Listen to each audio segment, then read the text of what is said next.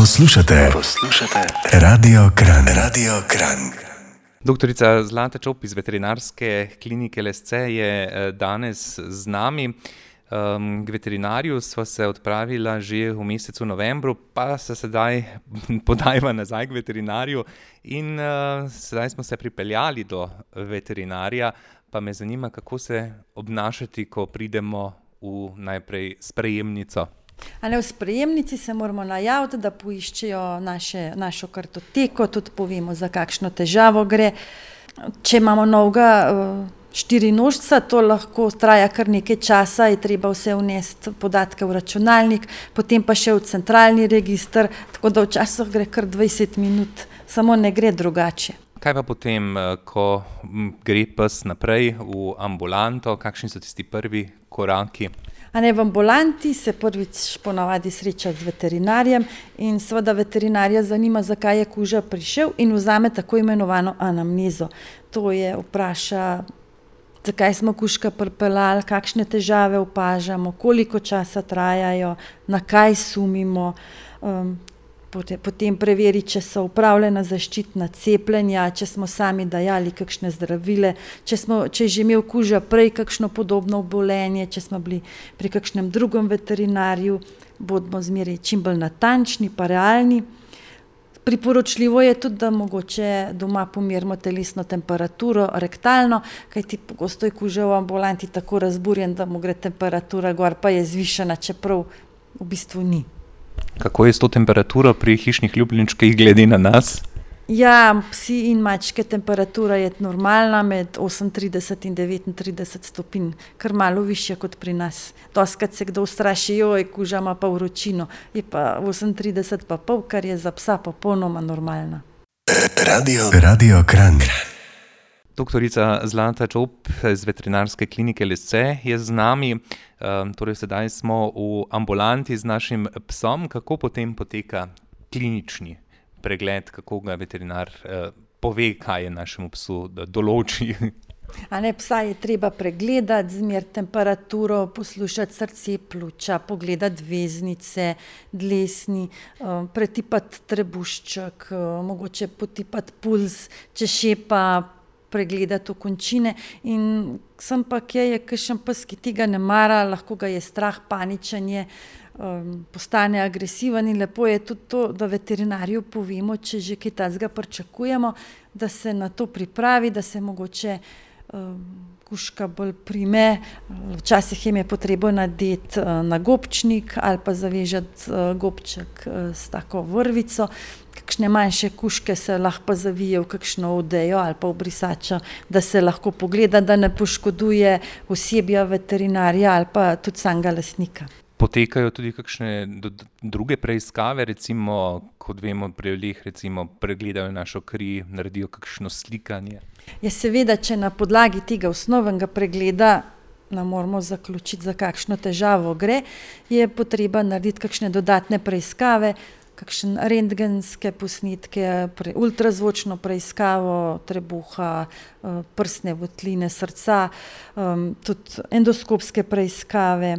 Lahko se tudi, če kakšna tvorba se jo punktira in potem se razmas, uh, pobarva in pogleda pod mikroskopom, prav tako kakšne težave s kožo, da izključimo kakšne zunanje zajedavce, se naredi kožni ustružek in to se tudi pogleda pod mikroskopom, sveda tudi pregled uh, krvi, urina, a ne včasih je treba tudi kakšne preiskave poslati uh, vzorce v druge laboratorije, tudi v tujino, ali pa če je potreben kakšna kompjuterska tomografija ali pa magnetna rezonanca ali pa kakšen tak specialističen pregled, pa se potem tako živalco napoti drugam, kjer to te stvari imajo. Obstaja potem za naše živali tudi kaj takega kot mi, ko gremo v bolnišnico in tam prespimo ali je to upravljeno um, v enem dnevu, če lahko tako rečem. Ja, zelo ne radi zadržimo uh, živalce čez noč. Če smo dežurni, smo tukaj, a ne drugače so pa včasih tudi same in zato je veliko bolje, če je uh, sposobna, da je v domači skrbi, lastnik se pa lahko kadarkoli obrne na dežurno službo. Um, drugače pa imajo v Ljubljani na veterinarski fakulteti prav bolnico, kjer je 24-urna oskrba in včasih, če je kakšen tak intenzivni pacijent, uh, ga tudi napotimo tja. Mogoče to, kje dobimo informacijo, kako je z dežurnimi veterinarji? Če kličete na telefonsko od vašega veterinarja, ponavadi tajnica pove dežurno številko, na kateri ne bi bil vedno dosegljiv en veterinar, ki vam bo pomagal z nasvetom ali pa tudi vas usmeril, kam se obrnete z vašim bolnim štirinožcem. Radio Kran. Doktorica Zlata Čop z veterinarske klinike LSC je v naši družbi. No, sedaj smo pregledali našega uh, hišnega ljubljenčka in določili njegovo bolezen. Kako pa je potem z samim zdravljenjem? Odvisno od same bolezni. Včasih kuža potrebuje kakšne infuzije, injekcijska zdravila, pogosto pa dobijo zdravila za domov. In tu moramo res upoštevati navodila, ki nam jih je dal veterinar o količini zdravila, ki ga dajemo, o pogostosti dajanja, o načinu dajanja, pa tudi o času dajanja. Zdravilo uporabljamo res izključno za zdravljanje tega obolenja in ga prihranimo za drugič, za vsak slučaj. Kajti, a ne samo veterinar lahko pove, kdaj moramo kakšno zdravilo dajati. Tako, naprimer, pogosto ljudje spravijo očesne kapljice. Pa jih pa, če se ponovi vnetje, jih pa hočejo še porabiti, ampak pogosto se v starih očesnih kapljicah uh, razmnožijo bakterije in potem, ko škotko z veseljem kapamo bakterije v oči in seveda nam more pride do izboljšanja. Ali pa, če dobi zaradi kakšnega druga obolenja, uh, kapljice, ki vsebujejo naprimer kortizon, ki deluje res protivnetno, samo če je pa poškodba očesa, če je samo majhna praskica na roženici, pa lahko naredijo celo katastrofo. Tako da res ne dajati zdravila kar na pamet svojim štirinožcem. Kakšne so v bistvu zdravila za naše štirinožce? So tudi človeška ali moramo biti tudi pri tem pozorni, da recimo ne damo uh, človeškega zdravila našemu štirinožcu? Ja, veliko zdravil tudi veterinar prepiše, eh, ki so, so humana, zato ker je Slovenija mehna in imamo toliko tako široke palete zdravil, ki bi bile prav samo za štiri nožce, tako da pogosto posegamo po humanih zdravilih. Um, drugače pa na pamet ne dajemo humanih zdravil.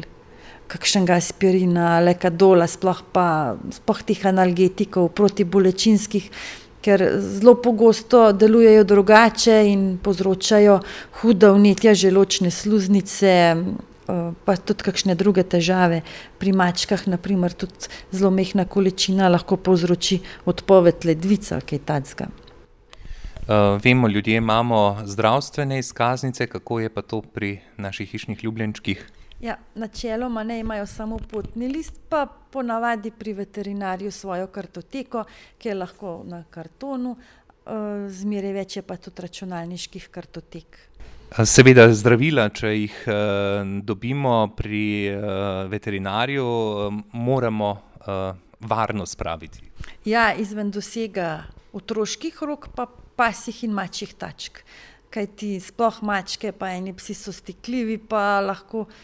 Tako iz same radovednosti pojejo kakšne tablete, ki niso namenjene njim, ki so namenjene drugemu štirinožcu ali pa tudi kakšnemu drugemu dvonožnemu članu družine. In to se tudi tako neredko, redko, kar pogosto se zgodi, no, da pes poje kakšne humane tablete in seveda mu lahko škodujejo.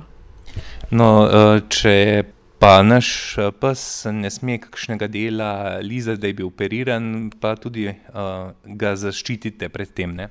Ja, ali pa če ima kakšno spremembo na koži, da je treba uporabljati kakšne kožne posipe, mazila, šampone. Sveda, če jih uporabimo, se bo koža takoj polizal in to moramo preprečiti, ponavadi s kakšnim zaščitnim ovratnikom, ali pa da gremo takoj na sprehod ali se igramo z njim, da se zamoti, da se ne začne takoj lizati. Radio, Radio Kran.